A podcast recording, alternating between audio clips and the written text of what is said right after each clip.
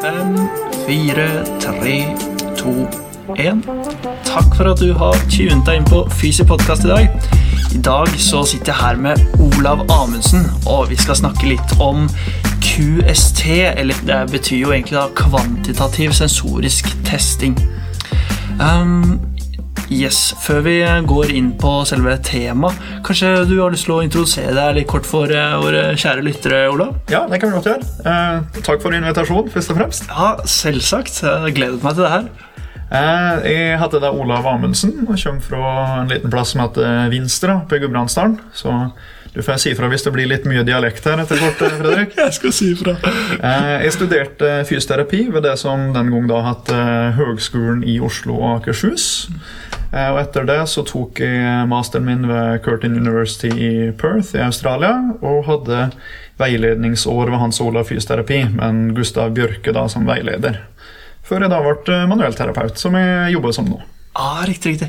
Ja, fra Vinstra jeg, Når jeg liksom um, tok og snakket med først var i kontakt med deg, så bare slo det meg liksom, dette er et navn som er lett å huske. Fy søren, for et erkenorsk navn!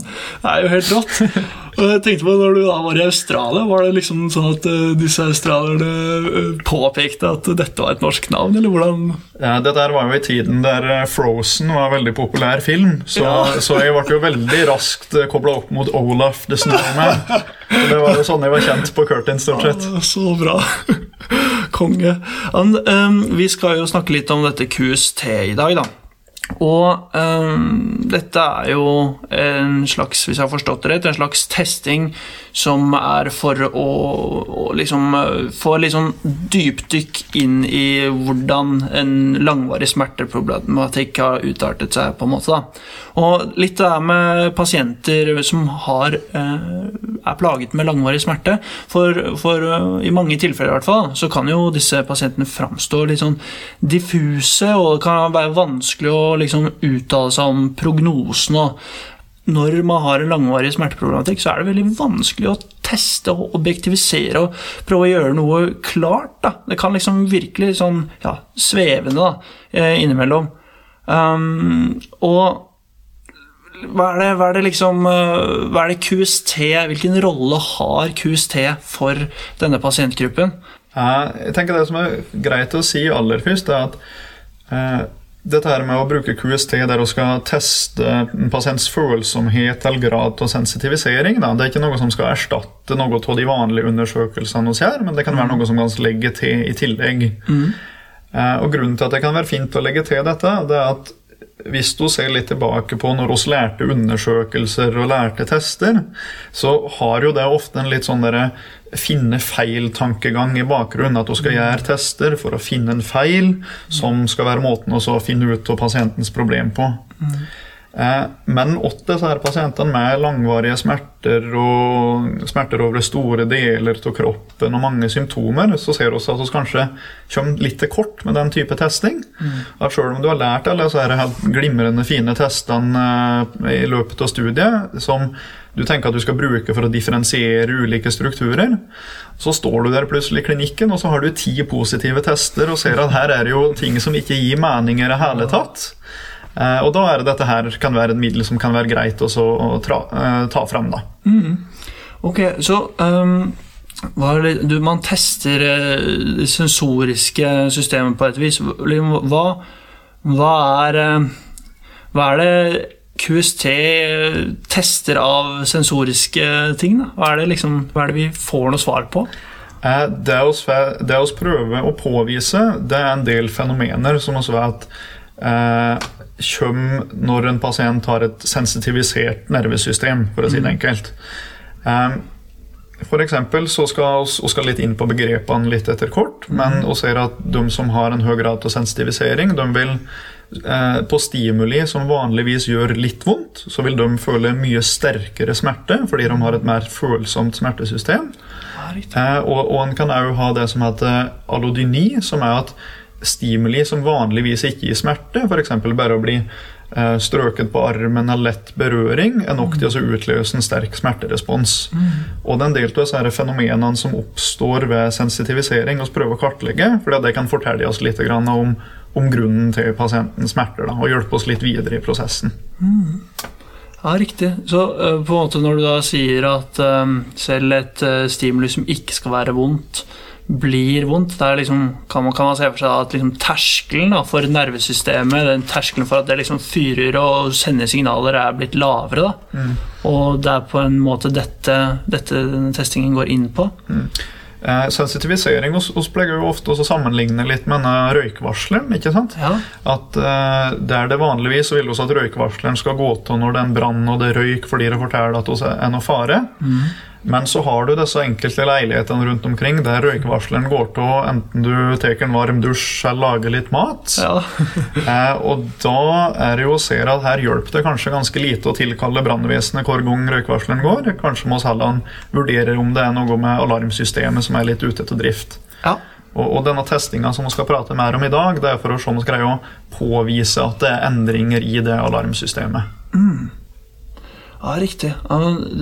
Det er jo en kjempefin metafor også, liksom å kunne bruke kanskje innledningsvis med en pasient før man skal inn og teste på denne måten også. For det kan jo kanskje virke litt sånn meningsløst for pasienten. da. Sånn, jeg kommer til deg, og det er, noe, det er, noe, galt med meg, og du må finne ut den tingen som er feilplassert, eller, eller liksom Det er jo kanskje noen tanker som går i hodet på pasienten noen ganger, og liksom kunne ha litt sånn her metafor på hvorfor. Hvorfor skal man teste det her, hva er grunnen, liksom? Absolutt. Uh, Ofte så vil jo pasienten komme oss og fortelle oss veldig mye, eh, og at vi vil høre mange ting i historien som tyder på at her kan det være greit å teste denne sensitiviteten ting, fordi det en tester, vil en ofte se samsvare bra med det pasienten forteller. Mm. Så Hvis du har en pasient som sier at bare går med ei væske over skuldra, så er det nok til å utløse sterke smerter i nakken. Bare jeg har på skjerf, så er det nok til at jeg får vondt. Bare lett berøring trigger smertene. Så kan det være en fin måte at du kan tenke at ok, her har jeg lyst til å kartlegge litt sensitiviteten i systemet. Mm. Og det som er noe med den fineste tingen med denne type testing, det er en utrolig bra anledning til å forklare pasienten hva som foregår. Mm. Og at når du tester disse tingene, så greier du å gjøre dette her med sensitive nervesystem og sensitivisering, som ofte er litt sånn mystiske, diffuse begrep, til noe mm. mer håndfast og konkret. At du kan mm. demonstrere det for pasienten. Det er et veldig godt poeng. Um, en ting som slår meg, er at uh, dette begrepet sensitivisering, det er jo Det kan jo Det er en stor uh, range på det her, da. Eller sånn, og, og du, når du nevner sånn Når du liksom snakker med pasienter, og du, og du, liksom ser etter ting som kan tyde på at det kan være liksom en sensitivisering, uh, hva, hva er liksom hvor, hvor, bra kan man være, eller hvor, eller liksom hvor frisk i hermetegn kan man være eh, og fortsatt være indikert for en type sånn her testing. Da. Du nevnte jo dette med liksom skulderbagen og, og sånn, og det er, jo, det er, jo, sånn Da er det jo en ganske ufarlig ting som gjør vondt, på en måte. Men så har du jo andre som kanskje har hatt vondt i ti år, men de klarer fortsatt å løpe en tur, ikke sant? Det er jo veldig sånn Har du noen tanker rundt det, eller? Eh, ja, absolutt. Og jeg tror det er et viktig poeng å få fram her, er at du, det, du må ikke ha denne utbredte sensitiviseringa vi prater om nå, for å ha langvarige smerter. Det er ikke mm. noe er lik mellom de to mm. tingene. Men så samtidig så ser du at en del av de testene vi gjør i klinisk praksis, kan en jo òg tenke at er ikke det egentlig en måte å sjekke hyperalgesi i litt dypere strukturer i kroppen? Mm. Når du tar og stresser en struktur ved de fine, spesifikke testene vi har gjort, mm. så vil vi ofte kunne se at det er positive tester, selv om det ikke er skader på strukturene. Mm. Og at eh, det kan være komponenter av sensitivisering, men når vi prater om denne testinga som vi skal se litt nærmere på etterpå, så prater vi mm. kanskje om de som har litt mer utbredte plager og har ja. Eh, ja, en utbredt sensitivisering. Da. Ja. ja, riktig, riktig. Ja, men det var eh, oppklarende, så, og det er jo på en måte det, man kan kanskje si at det er i vinden og, og kanskje nesten litt trendy da, å være litt rundt den tankegangen der om dagen. Da. Det har vært veldig mye snakk om liksom, biopsykose og sosiale modeller, og, liksom, og, og, det kan jo fort bli til at man, man får et sånt bias mot at alle skal uh, inn i den retningen òg, da. Uh, og det, det, kan jo være liksom uh, Ja. det, er en, det er en utfordring å finne liksom, hvor er skillet. Når er det vi mistenker det her, og når er det liksom mekanismen for smerten er en annen. da. Og den enkleste testen du gjør overfor deg sjøl når du står med en pasient, det er når du er ferdig med anamnesen og undersøkelsen din, og så spør du deg sjøl Gi det her egentlig mening? For hvis du har en pasient som har litt vondt i ryggen etter den har gått lange fjellturer, har drevet timevis i hagen, ja, det gir egentlig mening. Ja. Men hvis pasienten ligger flatt i tre dager etter å ha gått troppa opp, da er det noe med belastningen og smerteresponsen etterpå som ikke ser ut til å gi helt mening. Og da er det det kan være fint å prøve å kartlegge noen av de eh, smertemekanismene eh, og faktorene rundt det. da. Ja, ja det, det, var, eh, det var kjempebra liksom, test til terapeuten, faktisk. Gir det mening? Og hvis det ikke gir mening, så kan man i hvert fall tenke ja, i retning at eh, kanskje det er indikert med en, eh, med en liten kvantitativ sensorisk testing på, på det. Bra. Skal vi ta oss og gå litt igjennom terminologien og sånn som er verdt å, å ha, ha med her? Det tror jeg kan være fint. Jeg tror vi kan begynne å så, eh, prate om dette med kvantitativ sensorisk testing aller først. Mm. Eller QST, da, som det ofte forkortes på engelsk. Mm. Og når vi prater om QST, da refererer det til en omfattende laboratorieprotokoll egentlig, som krever masse fancy og dyrt utstyr. Ah, sier du det? Så det er mer en sånn forskningsmåte å teste på, egentlig. Ja. Men så har han òg utvikla det han kaller en bedside QST, som er den kliniske versjonen som oss bruker i praksis. ja. Så det kan være litt greit å bare vite at det er to, to forskjellige tester. At du har QST, som er omfattende, fancy, krever masse dyrt utstyr. Og så har du bedside QST, der du bruker billig, enkelt utstyr i klinikken. ja. Så eh, en QST, da, eller en, denne type testing, det skal teste afferente nerver og nervebaner ved at du måler sensorikk og smerte. Mm. og det en måler, det er eh, berøring, kulde, varme, trykk og stikk, f.eks. Og det du prøver å gjøre med en sånn QST-test i laboratoriet Et eksempel er hvis du skal teste kulde. da, Så får du en sånn kloss som begynner på nøytral temperatur, som gradvis blir kaldere. Og når du først kjenner at nå begynner denne å bli kald, da trykker du på en knapp. Da får du registrert en detection threshold, altså den, eh, an, den temperaturen den var når du oppfatta den som kald. Ja, ja, ja. Og så blir den gradvis kaldere. Og da, på et eller annet tidspunkt, så blir den så kald at det gjør vondt. Og da skal du òg si ifra, og da får du en pain threshold. Så du får noen veldig sånne konkrete tallverdier da, på kant eh, du oppfatter ulike stimuli. Og når en gjør dette her i en laboratoriesetting med fancy utstyr, så har du mulighet til å få veldig nøye tallverdier, som er en slags sensorisk profil på kant eh, ditt sensoriske system fungerer. Og, og det kan da sammenlignes opp imot normalverdier. Kan det være for eh, personer som ikke har noen diagnoser, f.eks. ja. Men vi har jo ikke muligheten til å teste så nøye i klinikken. Nei, sant? Men da skal vi bruke litt annet utstyr som kan påvise de samme mekanismene, men at vi eh, får ikke det at vi sammenligner opp imot normalverdier, som man gjør med forskningsprotokollen. Det er smart det der med forskningsgreiene, fordi eh, liksom Når du har eh, Du kan jo si at en temperatur, den er helt objektiv, mens smerte vil aldri Du, kunne, du kan aldri sette liksom en spesifikk tallverdi på hva en smerte er, fordi det er jo subjektivt. Det er jo, så du, man får jo på en måte Man får på en måte dytta noe objektivt inn i hele denne miksen her, da. Og, og det er hele poenget med testen, at den prøver å kvantifisere noe som er veldig vanskelig å kvantifisere, på en måte.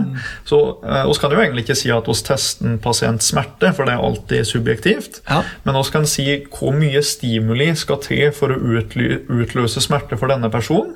Og så kan vi se er det innenfor en normalverdi, eller er det, ser det ut til at her så skal det til mye mindre stimuli enn det skal til for normale. Ja, riktig. Så, så når du forsker på det, så har du disse instrumentene, men i klinikken så er det litt annerledes. Da er det litt annerledes. Eh, da bruker du veldig enkelt utstyr og skal gå gjennom litt kanten gjør dette her i klinikken etterpå. Mm. Det som er fint å vite, det er at det ser ut til å være eller det er artikler som viser at det er en eh, høyt samsvar mellom det en finner i eh, forskningslaboratoriet, og det en finner med enkel klinisk testing. Så sjøl om forskninga stort sett er gjennomført eh, i laboratoriesetting med fancy utstyr, så ser det ut som mye av det kan overføres litt til klinisk, eh, klinisk bruk. da. Eh, oss får jo ikke noen tallverdier når vi tester eh, i klinisk praksis, men det vi kan finne, det er at vi kan ta ett område på kroppen der det ikke gjør vondt, og sammenligne med det området på kroppen som gjør vondt. Så får jeg også på en måte en sammenligning internt for den personen. Smart. Ja, veldig bra. Og som forhold til eh, dette med artikler og sånn, så kommer vi til å lage et innlegg som vanlig på denne podkasten her. Og vi, vi kan jo i hvert fall love at vi skal legge ved denne artikkelen som, eh, som viser, eller disse artiklene som viser at eh, det er en sammenheng her mellom laboratoriet og klinikken her, da. Ja, eh, Det meste av det jeg prater om i dag, det kommer fra en, en lite foredrag som jeg har holdt her og der, så jeg tror egentlig det enkleste er at jeg bare legger ut det foredraget, og der ligger hele kildelista inne. Så slipper vi å nevne så mye navn og årstall og sånne ting. Helt genialt. Ja, men da, da er det Dette er en gavepakke i dag, eh, lyttere. Her eh, får man uh, svær uh, litteraturliste. Så, men da linker vi bare denne powerpointen, sånn at du får uh, ja, tilgang på den via fysio.no. Kjempebra. Ok, men Fint, fint. Eh, I, i, eh, I forhold til denne sensitiviseringen Jeg vet ikke om, er, er, eh, om vi har vært inne på dette her med ut, hvordan, hvordan er det liksom man får en sensitivisering? Hva er det som What have gone wrong? Et, det er et veldig godt spørsmål. Jeg tror Vi har jeg gått i gang med å definere begrep, så jeg tror vi skal prøve å definere sensitivisering sjøl. Ja. Ja. Og det det kan defineres med, det at en økt responsivitet i nosiseptive nevroner ved normalt stimuli, og den eh, rekruttering av en respons fra stimuli som vanligvis ikke ville bli oppdaga. Eh, Det inkluderer alltid endringer i både sentrale og perifere deler av nervesystemet, som gjør at denne røykvarsleren blir litt mer sensitiv. Og den eneste måten å påvise sensitivisering klinisk, det er ved å finne hyperalgesi og allodyni. Og når vi definerer ett begrep, så ender vi med to nye som vi må definere. ja. Så jeg kan si at hyperalgesi det er det som er en økt smerterespons fra et stimuli som vanligvis vil gi smerte. Altså et lite stikk, for eksempel, som vanligvis vil gi smerte, gjør, gjør noe veldig vondt. Ikke sant? Så det er bare ja. den responsen som blir mye sterkere. ja, algesi betyr det smerte. Ja. Og så hyper, så er det liksom Mer. Ja, hypersmerte. Ja, ja, stemmer. Ja. Så Den enkle måten å sammenligne det på er på en måte hvis du står med denne elgitaren, og så Mm. kan du slå like hardt på strengen to ganger, men når du skrur opp forsterkeren, så blir lyden helt annerledes. Ikke sant? Ja, Det var også en bra metafor på, på det her. Og det andre begrepet hun skulle definere, det var alodini. Ja. Det er smerte fra et stimuli som vanligvis ikke vil gi en smerterespons. Mm. Så ja, det var litt inne på det i stad, dette med liksom å stryke vondt og sånn, da. Og, og det er et av de klare tingene vi har på dette med sensitivisering. For f.eks. lett berøring det skal egentlig sendes opp gjennom én nervebane til hjernen, mens eh, ting som utløser smerte eller eh, aktiverer nosiseptorer, da, som det heter på fint, Ja. eh, det sendes i en annen bane. Men fordi at dette systemet blir så sensitivt, så driver det bare så drar til seg alle signalene som kommer, og tolker alt som smerte. Ah, riktig, riktig. Så det som Hvis jeg forstår det rett, da, så er det ved f.eks. alodyni, da. Så vil da eh, Da vil den ikke gå på den vanlige nervebanen sin lenger, men vil også være Vil også ta den smertebanen eh, på et, et ufarlig stimuli, da, på Ja, en måte. for Se for deg altså, to toglinjene som går ved sida av hverandre, og så blir det spora over til feil bane. Ja, riktig, ja. Ja, ja, ja. ja det, det var eh, Det er oppklarende. Det er jo mange sånne tracts man skal gjennom gjennom eh, utdanningen, og det er jo kanskje selv om man ikke husker akkurat hva alle disse tracksene gjør, så kan man i hvert fall se for seg at det blir eh, mye sporoverganger i disse situasjonene her, da. Bra. Er det noen eh, flere begreper som er viktige å ta, eller? Det tror jeg var de viktigste linka opp imot det vi skal prate om i dag, sånn egentlig. Hvis vi eh, ramler over noen nye, så får vi prøve å definere dem litt Ja. eh, as we go. God plan.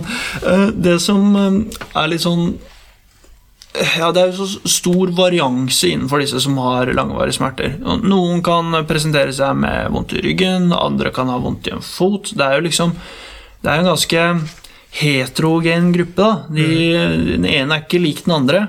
Og liksom hvordan, hvordan kan denne testen da på en måte plukke opp alle, alle disse forskjellige måtene det kan presentere seg på? Um, Det er et godt spørsmål. Jeg tenker at dette her er en test som ikke er spesifikk til noen som helst region, som kan sånn i teorien brukes hvor som helst på kroppen. Og det er gjort ganske mange studier som ser på dette her og prøver å subgruppere denne veldig heterogene gruppa, som du sier. At, Ja. Og det er jo litt det at vi vet at en eh, pasient med vondt i kne kan presentere veldig forskjellig fra en annen pasient med vondt i kne. Sant. Sjøl om røntgen og MR-funn og sånne ting de kan være helt like. Ja. Eh, Og da, det en har sett på da, at en har prøvd å subgruppere disse gruppene her basert litt på hvor sensitivt er dette nervesystemet deres. Eh, Og det en da ser ved en rekke diagnoser, det er gjort både på kneartrose, korsryggsmerter, på eh, kjeveleddsmerter, på fibromyalgi f.eks., så ser en at den gruppa som rapporterer høyest smerteintensitet, eh, mest tilleggssymptomer, altså andre symptomer enn muskel- og skjelettplager i tillegg til, til smerter, eh, mest utbredte smerter, mest eh, ja, Enkelt sagt, de som er hardest ramma, de ser ut til å være de som har det mest sensitive nervesystemet. Så det er på en måte en fin måte å prøve å subgruppere eh, denne veldig heterogene gruppa som vi har. ja, riktig. Men har det noe å si for um, uh, liksom, uh, Er det noe prognostisk faktor at du har en sensitivisering? Er det liksom er det, er det dårlig, Ser det dårlig ut uh, for framtiden hvis du har et skikkelig sensitivt nervesystem, eller er det ting som Det er en del studier som har sett på akkurat det. Ja, Eh, kort svaret er vel ja. ja, ja. kort og godt, ja. Og de eh, studiene som har gjort mest på det, er på f.eks. på whiplash-skader. Der en har sett at hvis en tidlig i forløpet finner en endring i smertesensitivitet, så ser det ut til at det går dårligere med dem et år etterpå. Ah, riktig. Ja. Eh, og det samme har han funnet litt på på tennisalbuer, f.eks. At de som har endringer i sensitivitet, de har størst risiko for at dette her ikke går bra senere. Og så er det ikke sikkert at hun skal si det til pasienten som vi møter og tester med dette. her. Nei. Men kanskje bør det gi oss en liten vekker om at her er en del faktorer som er i spill, som vi må kartlegge litt nøyere, og som vi må kanskje tenke oss om en gang ekstra før vi planlegger tiltak. Sånn eh, noe kanskje eh, jeg Nå må vi inn på hvordan det går for seg, men man kan i hvert fall kanskje ha en slags test-retest-mulighet med det her. Jeg vet ikke, Er det, er det muligheten her, eller er det mer Eh, Det fins noen studier som har jobba litt med det. Jeg tror ikke vi har klare nok svar til å kunne si at det er en direkte kobling mellom retest og test, men det kan være en fin måte eh, Litt sånn pedagogisk overfor pasienten, se på endringer i systemet. Men vi vet òg at dette her vil variere i en viss grad, og at det er kanskje ikke så lett som å si at i dag så, så var du litt grann mer følsom der, og det betyr akkurat det. Det tror jeg ikke vi har gode nok svar til. Men, men det er noe man forsker på, fordi at det er litt akkurat det du prater om, at vi ønsker jo å kunne objektivisere noe av blant disse pasientene der, der ting er, er vanskelig å finne konkrete mål på. da. Mm, ja, det er, det er egentlig et kjempegodt poeng. Eh, Og sånn som du sier, eh, liksom en opp, smerteopplevelse, den eh, kan jo variere, og den kan påvirke så innmari av liksom, hvilken kontekst vi er i, hvilket humør vi er i, hvordan vi føler oss den dagen. Det er jo, det er jo så sinnssykt mange ting som påvirker det her. Da. Så det er jo det er ikke, det er ikke easy, uh, lett ting å si sånn ja eller nei på heller. da. Absolutt. Så, så, personlig må jeg nok si at jeg bruker det først og fremst i en kartleggingsfase eh, der jeg prøver å finne ut en fornuftig behandlingsplan for den personen som sitter framfor meg. Mm. Eh, og når jeg måler framgang, så prøver jeg å, å, la det dreie seg litt mer om de tingene som er viktige i livet for den personen. Mm. At det blir stort sett sånn jeg prøver å måle framgang, i hvert fall. Ja. ja. Du spurte meg litt i stad, så må vi hoppe litt over. Kan det, så, mm. dette med sensitivisering utvikle seg? Ja, ja. Og det tror jeg er viktig å ta med litt hvis du skal prate litt om kan og skal tilnærme oss litt disse pasientene. Mm -hmm. Var det greit å prate ja. litt om? jeg har kjempelyst til å prate om det. Ja. uh, og det som kanskje er litt dumt å si aller først, er at veldig mye dreier seg om genetikk. Ok, ja. ja så ja. der har vi definitivt en faktor som vi ikke kan påvirke. Mm. Men det er enkelte tvillingstudier, som ofte er det som brukes når en forsker på genetikk, som mm. viser at oppimot 60% av smertefølsomheten vår det handler om genetiske faktorer. Ja. Og en ser òg at de samme genene som er knytta til dette med økt smertefølsomhet, mm. de er òg knytta til f.eks. økt risiko for utvikling av fibromyalgi, økt risiko for å utvikle langvarige smerter etter en prolaps, eller utvikling av kjeveleddsmerter. Mm. Så det er en eller annen link mellom genetikk, smertefølsomhet og utvikling av disse litt sånn vanskelige smertetilstandene. Mm. Ja, var det 60% som var sånn estimatet der? Ja, opp til. Ja. ja. Mm. Og så tror jeg det er viktig i en klinisk sammenheng at uh, eh, vi er litt smarte hvis vi skal prate med pasienten om akkurat det. Uh, så Nå har vi vært litt inne på metaforer. så En fin ting å si da er jo at eh, sjøl om du har fått dårlige kort, så går det an å spille lurt og vinne. ja, den var fin. Ja.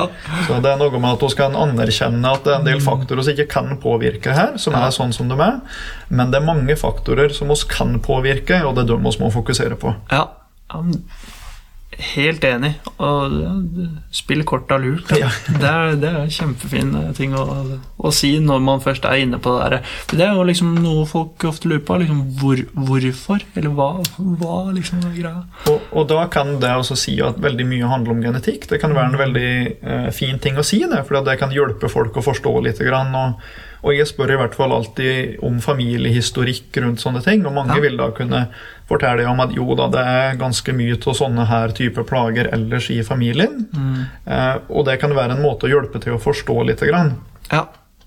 Mm. Så må ikke, ta, må ikke, det skape en håpløshet over at vi ikke får endra noe. Så det er litt markant du formulerer det rundt det. Ja, sant. Men det, det kan jo ja, sånn selv om det Ja, der har du jo liksom uh, tilbake til metaforen. Du kan spille korta dine godt selv om du har uh, fått dårlige kort, da. Ja. ja, eller, ja. Et eller annet sånt. Et eller annet sånt, ja. ja. Eh, den andre faktoren som er veldig stor, det er miljøstressorer. Mm -hmm. En ser at eh, personer som er utsatt for f.eks. overgrep, eller mhm. store fysiske traumer, store emosjonelle påkjenninger og enkelte infeksjoner òg, mm. så ser det ut til at omtrent 5-10% for enkelte av disse her gruppene utvikler en såkalt sensitiviseringstilstand. Ja. Eh, så det er jo ikke det at miljøstressoren i seg sjøl nødvendigvis er det som fører til det, men det er kanskje det kobla med genetikk og en rekke mm. andre faktorer. Mm. Ja, riktig. Så det, ja, det, det er interessant. Men det, det, er jo også liksom noen sånn Kall det eh, Jeg vet ikke om det går an å si at liksom det kan være en sånn slags fordom også i, i det der at du må, du må ha vært utsatt for noe sånn innmari traumatisk, eh, og at liksom det kan Det er noe som henger litt i, i det begrepet for mange, da.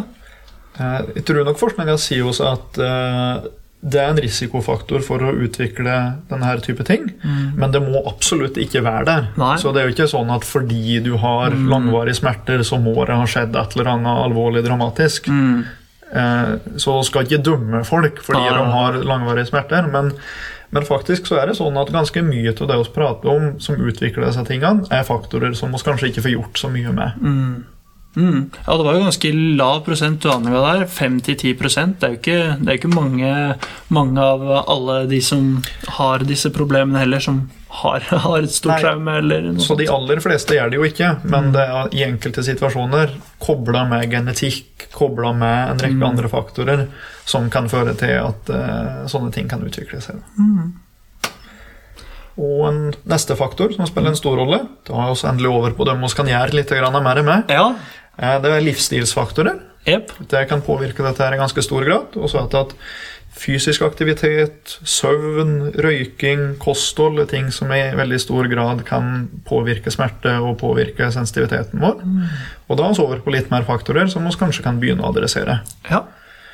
I tillegg så har vi det som eh, veldig mange er opptatt av, det er jo stress. Mm. Og da, en, ofte, en litt sånn kul studie som jeg ofte syns er fin å trekke fram når jeg prater med pasienter om, om akkurat dette der, Mm. det er at målte hvor sensitive en er eh, før en test begynte. Mm. Og så bruker en protokoll som er lagd for for å gi noen stress. rett og slett. Aha, ja, riktig. ja. Og måten en gjør det på, er at eh, en ber noen inn til et intervju. Mm.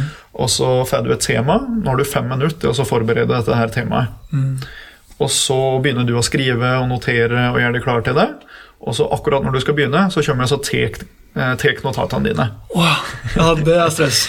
Og så skal du presentere framfor en eh, gjeng med dommere som ser og dømmer deg knallhardt. Oi, oi, oi. Og dette er på en måte vist seg å være en måte å eh, gi noen stress på da, i en litt sånn testsetting. Ja, riktig. ja. Og det som er interessant da, det var at en så at sensitiviteten den, en ble mer sensitiv for ulike stimuli rett etter en sånn akutt stressituasjon.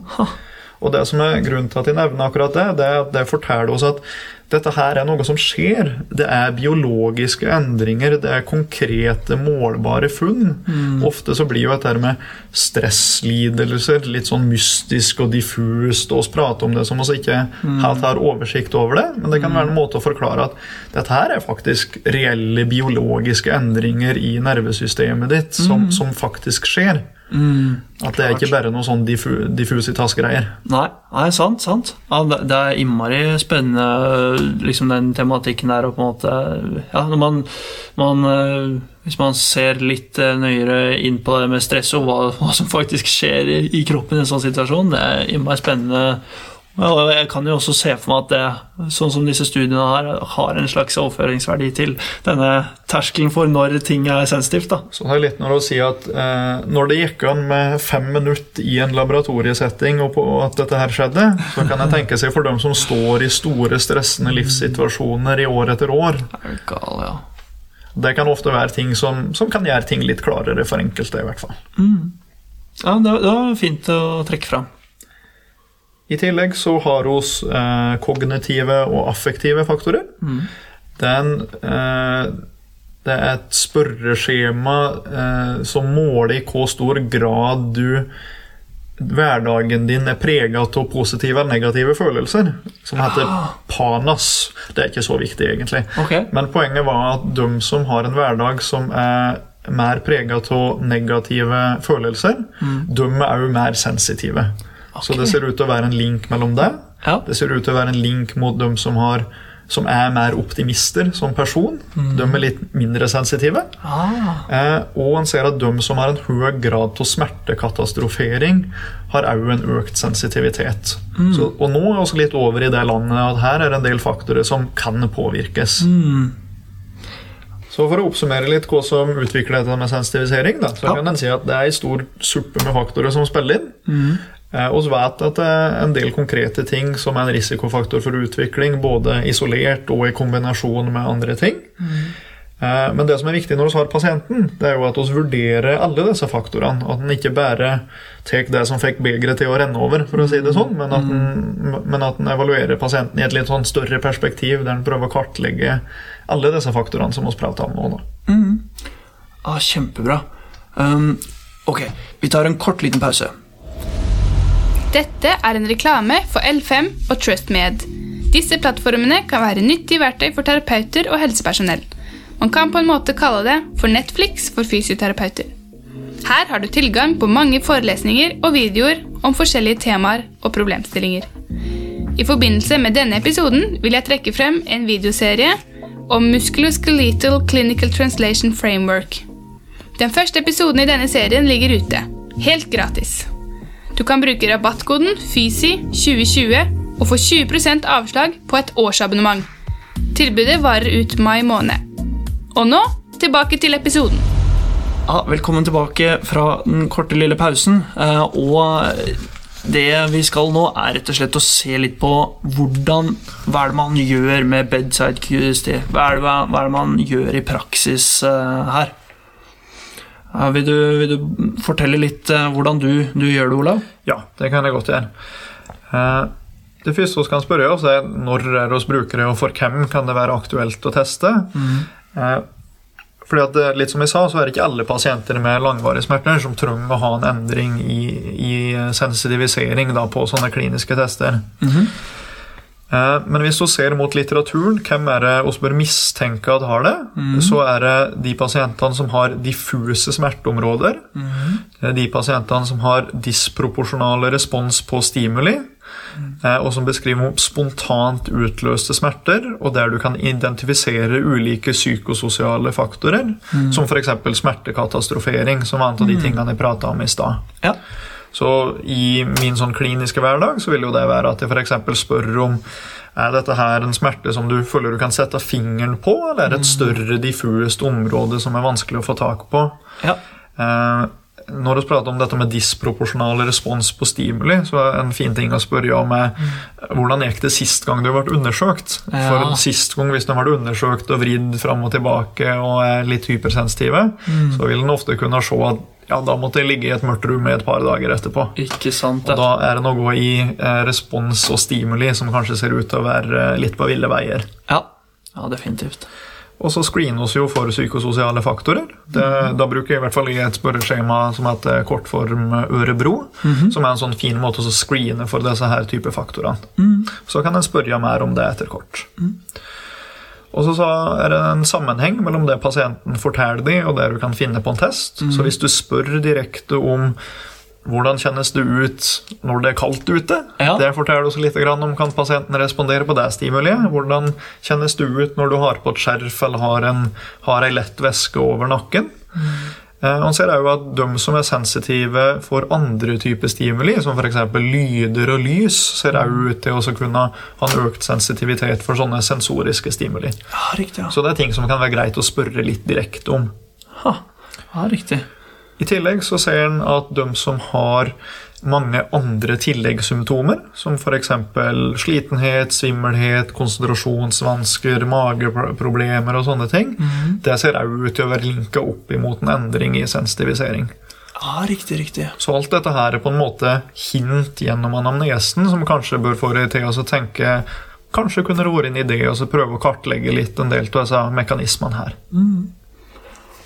Ok, Interessant.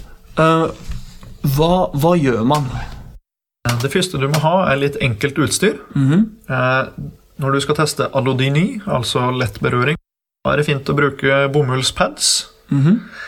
Når du skal teste kuldehyperalgesi, så trenger du enten en isbit. Mm -hmm. Og hvis du ikke har en fryser på kontoret, så kan den bruke aceton, eller neglelakkfjerner. Ja, neglelakkfjerner. Det, det, er det det er, gutta. Neglelakkfjerner. Jeg er alltid veldig påpasselig om at når jeg går på apoteket, så spør jeg om de har aceton. Jeg spør ja. ikke om de har neglelakkfjerner. Riktig, ja.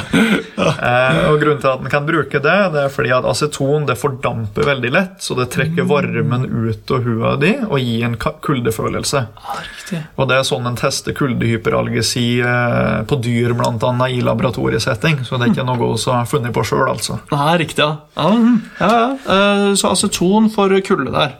Og så eh, det som er en skarp mekanisk hyperalgesi. Da kan en bruke vanlig rissehjul eller en tannpirker, for den saks skyld. Mm. Eh, og så skal en kan en teste følelse for trykk, og da kan du egentlig bare bruke egen tommel. Mm. Eh, det er ikke så ofte jeg tester akkurat det. Det skal jeg komme litt tilbake til når vi prater litt om den kliniske utførelsen. Mm. Så det er egentlig det utstyret du trenger. Litt bomullspads, aceton, en tannpirker og en tommel. Ah, ja, Det er jo det er en uh, grei handleliste. Det bør være mulig å få tak i for ja. de fleste. um, så når en testa disse tingene, da, så, så tester en egentlig funksjon til ulike nervefibre og baner og reseptorer og sånne ting. Og mm. Eh, for dem som er spesielt interessert, så går det an å pugge på hvem test som tester hva, men i en mm. praktisk sammenheng så spiller nok ikke det så stor rolle. Ja, riktig. Kanskje vi kan se for oss eh, litt sånn en hypotetisk eh, pasient her.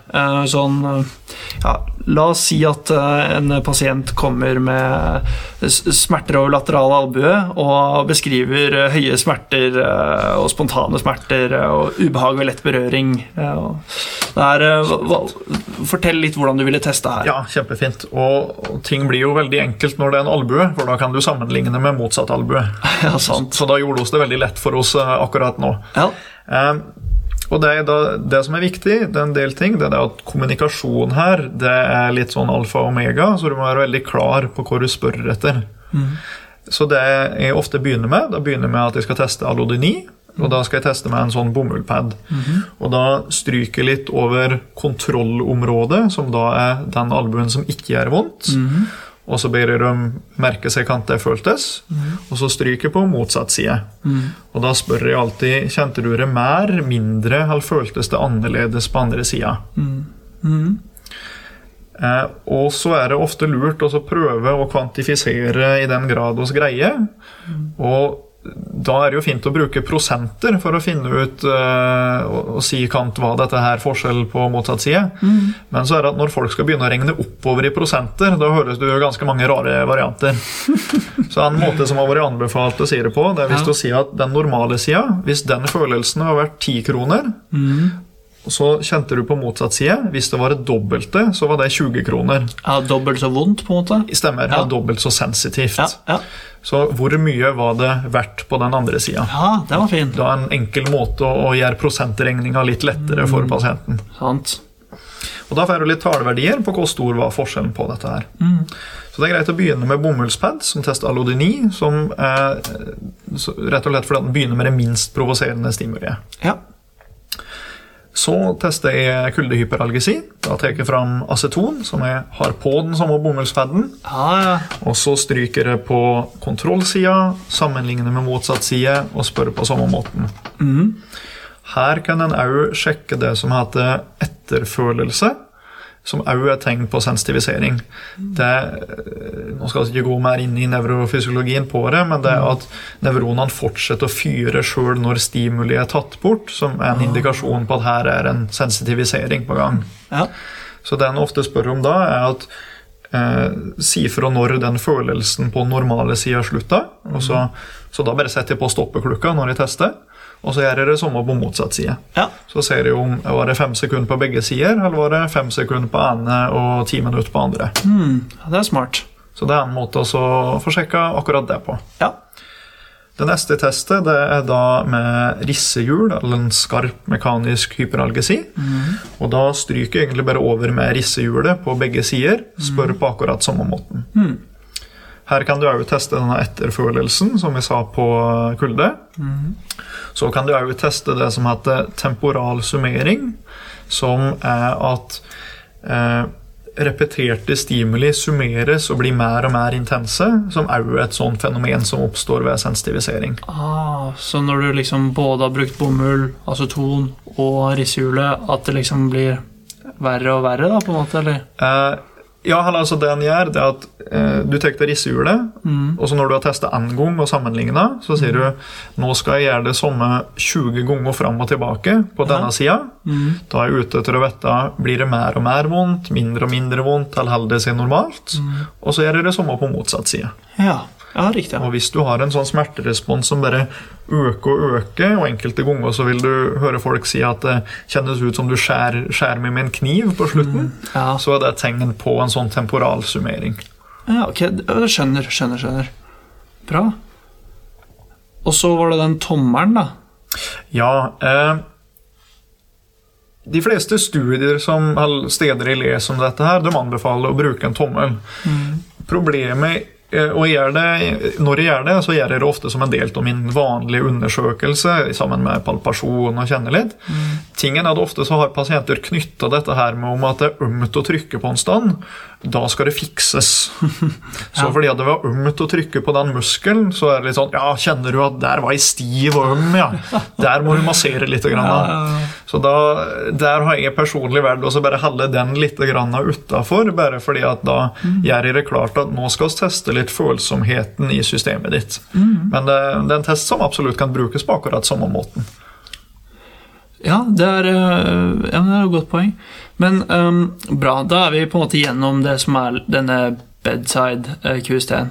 Eh, men hvis vi gjør det litt øh, vanskeligere for oss selv og f.eks. en rygg da, som du ikke har to av, hva, hva, hvordan forholder man seg til dette da? Da, da, må du håpe at det er et sted bak på ryggen der, litt høyere opp f.eks., som ikke gjør så vondt. Mm. Så kan du prøve å bruke det som sammenligning. Så ja. Ofte så bruker jeg f.eks. rygg mot nakke eller motsatt. Mm. Den store utfordringa får oss jo på dem som har vondt i hele kroppen. Mm. Så da kan en jo lure på hvor mye vi får ut av dette her. Men, eh, men, ofte så prøver vi å identifisere det området som er mest vondt, mm. og så spør jeg om er det et område på kroppen som du ikke har vondt, og så bruker jeg det. Ikke sant. Så kan en si at reseptorene er litt annerledes på fingrene sammenlignet med ryggen sammenlignet med foten, så kanskje blir ikke sammenligninga helt riktig, mm. men det er noen måter å prøve å gjøre det litt enkelt for oss sjøl i hverdagen. Helt klart. Å si at uh, man en pasient angir at fingrene er et sted som ikke er vondt, da, der det kanskje uh, naturlig er mer sensorisk også, så får man i hvert fall et uh, godt svar hvis det er mer vondt på, på skinka enn på ja. Det kan du liksom. si. Det, ja. du si. det er ikke så ofte jeg har brukt fingrene som bronse. det kan være uh, greit å bruke noe annet enn det. Ja, kanskje litt ekstremt eksempel. ok, så vi, vi, finner da Vi gjør disse testene, og liksom um, Hva er resultatet vårt, eller hva kan resultatet vårt uh, være på La oss si denne albu-casen, f.eks. Mm. Så da kan vi se at han har en økt sensitivitet for alle disse tingene vi har, har testa, f.eks. Mm. Eh, så det vi har funnet da, vi har funnet dette her som heter hyperalgesi og alodeni og temporalsummering og disse fine begrepene, mm. som egentlig bare er en indikasjon på at her er en sensitivisering. Ja. Så det er på en måte at det hjelper oss å kartlegge dette her litt. Mm. Eh, og det vi òg finner ut av, at kanskje tilhører denne pasienten den subgruppa som har mest smerter, som er mest prega av dette her i hverdagen, og som kanskje ser ut som det går dårligst med over tid. At, de, at det er en dårlig prognostisk faktor. Mm. Og kanskje bør det òg få oss til å tenke at her skal vi sjekke en gang ekstra om det er noen av disse andre faktorene om du vil, som jeg prata om, som er med i utviklinga av sensitivisering, mm. som er en stor del av bildet. Enten det er smertekatastrofering, høyt psykososialt stressnivå, store emosjonelle påkjenninger, redsel for å bruke armene, at da bør vi i hvert fall tenke en gang ekstra på om har jeg greid å kartlegge disse andre faktorene nøye nok. Mm.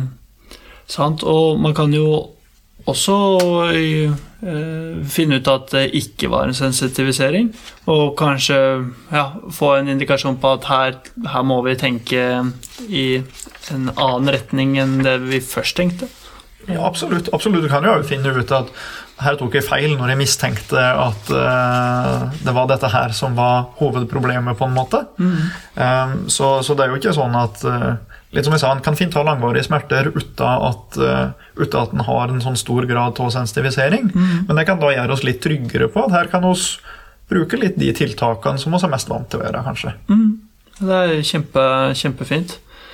Um, sånn, uh, er det noen spesielle ting du tenker på for å liksom Når vi vet at uh, smerte er liksom så kontekstuelt, da. Altså hvordan, hvordan hvordan miljøet rundt og alt, alt, er, da. Det har jo litt å si, eller har en god del å si. Og er det noen sånne spesielle ting du tenker på før du skal gjøre en testing for å liksom eh, lage settingen så optimalt som mulig? Jeg prøver å forklare hvorfor jeg gjør det. Mm. Eh, og det sier jeg ofte at du forteller meg det her og det her, enten det er på en måte at du får mye mer vondt når det er kaldt, du sier at det er vondt å legge ned dette skjerfet over nakken. Fortell meg en del av de faktorene.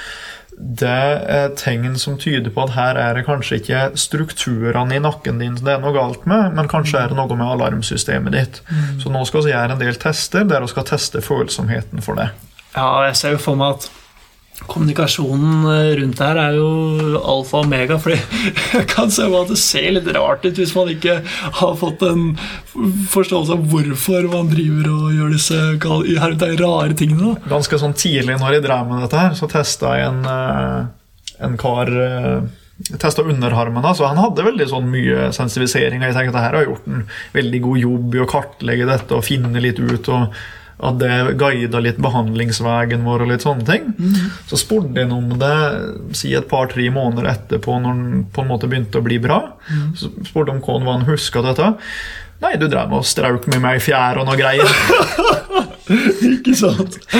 Det var det han satt igjen med. det. Så, så det kan være greit å kommunisere litt klart og tydelig hva du driver med. Ja, den er morsom. Ja, det, jeg, kan, jeg kan se på meg at det jo Man kan sitte igjen med i hvert fall gode minner om sånne ting. Ja. Men det er jo, det, det er jo for en grunn. Ja. Ja. Eh, Og en av grunnene så vi nevne grunn, det er Ja. jo det at dette her kan hjelpe oss til å velge litt tiltakene våre. Eh, og en pasient jeg hadde som jeg syns eh, sa det veldig fint, det var, det òg var en underarmsproblematikk, og hun skulle inn og operere om en måneds tid. Og da tok hun den ganske fint sjøl, at hvis de har smerter på 8 til 10 til at du stryker med med bomull, da er det kanskje en dårlig idé med skalpell. ja. Så det, det forteller oss litt om Kanskje skal vi tenke i litt andre baner når vi prater om hvilke tiltak som er greie å velge her.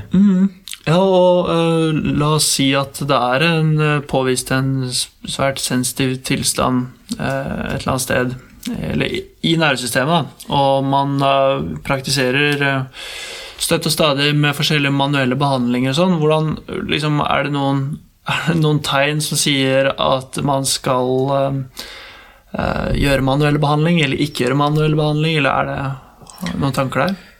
Um, Potensielt så kan en tenke at en del av disse tingene her bør tilsi at vi kanskje skal velge andre tiltak enn manuelle behandlinger.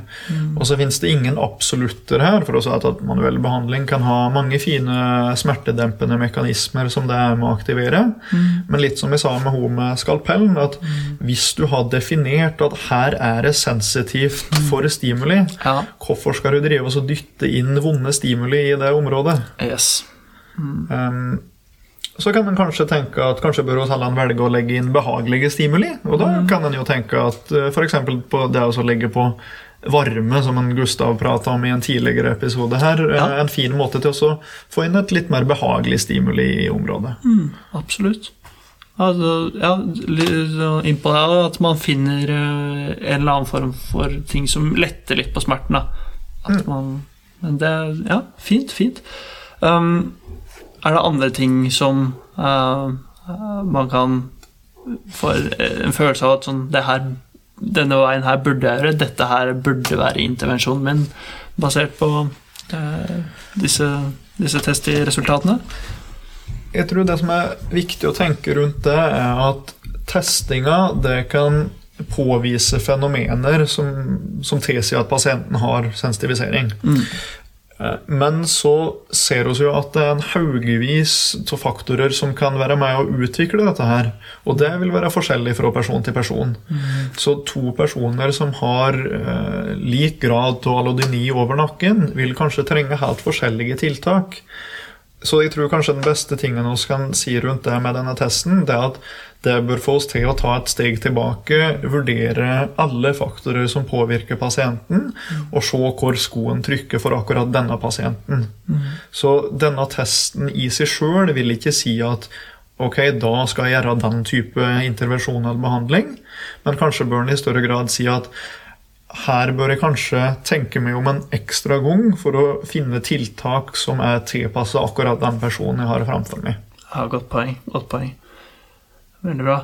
Um, sånn helt til slutt um, så kan vi jo gå inn på en sånn uh, spalte som vi har hatt tidligere, da, som vi har kalt eller som vi kaller aha-opplevelser. Det er liksom Har det vært noen situasjoner der du på en måte Du kan da kanskje kryptere litt for taushetsplikten, eh, sånn at ikke man eh, tråkker i grøten for helsepersonvernloven osv. Men, men eh, har du testet noen pasienter og valgt noen tiltak, og ting har på en måte blitt bedre? Har du lyst til å dele noen sånne erfaringer med oss? Jeg tenker Hun jeg sa med skalpellen, den var ganske sånn tydelig for meg. fordi at da Det viste for meg kan dette her kan brukes pedagogisk for å fortelle pasienten at kanskje er ikke senere i alene som er problemet, men at det er noe med alarmsystemet. At, det, at det var en litt sånn vekker for meg for at her er et enormt potensial for å bruke det som et pedagogisk verktøy for å gjøre disse diffuse begrepene litt mer konkrete og håndfaste, sånn at pasienten forstår plagene sine bedre. Eh, en annen sånn aha-opplevelse jeg hadde da, det, det er jo fort gjort å prate om ting som går bra i en sånn podkast, men da kan Ja, prate om noe som gikk skikkelig dårlig. Ok, ja, ja. Det var jo en litt sånn klassisk situasjon med ei som gikk opp med med sånn patellofemoral artrose, og så trente hun masse og ble veldig bra, og så drev hun så skulle avslutte. Et par minutter på overtid allerede, neste pasient sitter ute og venter, og så er det denne men forresten, kan du ikke bare sjekke litt ryggen min min i tillegg? Ja. Jeg er litt sånn stiv øverst i ryggen der. Og går litt sånn raskt fram, litt sånn stressa som jeg var i situasjonen. Så bare sjekke, ok, sånn, sånn, og så gjør en liten sånn eh, knekk øverst i ryggen, som, som var det hun liksom hadde lyst til å ha. da. ja. Uh, og tenkte at uh, dette greide fint, nå er jeg klar for neste pasient, nå, nå kan vi bare fortsette å rulle. Så kommer hun tilbake uka etter og er helt fullstendig avstiva. Jeg har ikke sovet på sovet siden sist gang jeg var inne her. Her har det skjedd et eller annet. Ok, bare sitt ned og vent litt. Grann. Jeg går inn på kontoret, bare dobbeltsjekker at hun ikke hadde osteoporose. Da Ja. kan jeg slappe litt mer av. Så det var ikke det som var problemet. i hvert ja fall. bra.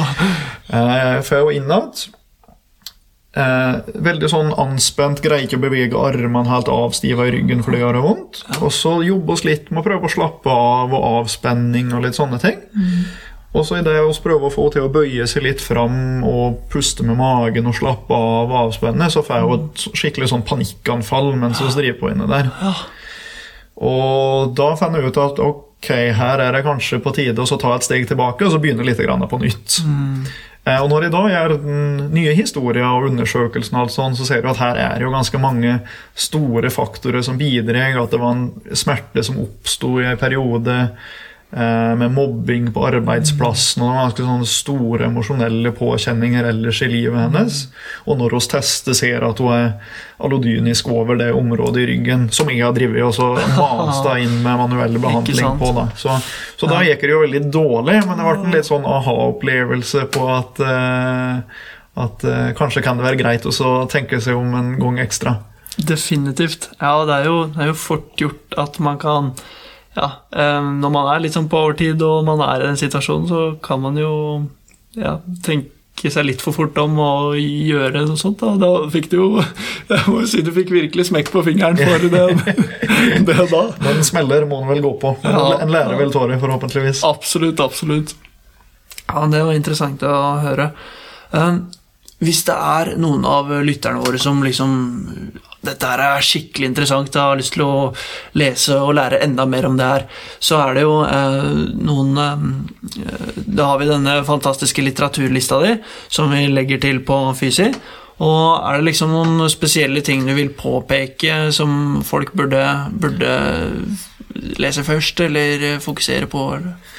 Eh, ja, det, det fins noen sånne oversiktsartikler som eh, fine å bruke. Jeg tror det er en som heter bare QST in musculoskeletal pain, som gir en veldig fin sånn oversikt som det går an å se på. Det som kan være fint å ta med seg litt, det er at dette er en test som er veldig enkel å gjennomføre, men den kan være vanskelig å bruke, for å si det på den måten. At eh, det, kan, det er veldig lett å gjøre disse testene klinisk, og så krever det at du greier å sette deg inn i et større klinisk resonnement der du involverer pasienten og alle de faktorene som påvirker personen. Mm. så det kan være greit at, eh, at en tenker seg om et par ganger ekstra når en bruker det. Det er, jeg tror det er eh, veldig kloke ord å legge helt på slutten av podkasten her. Kjempebra.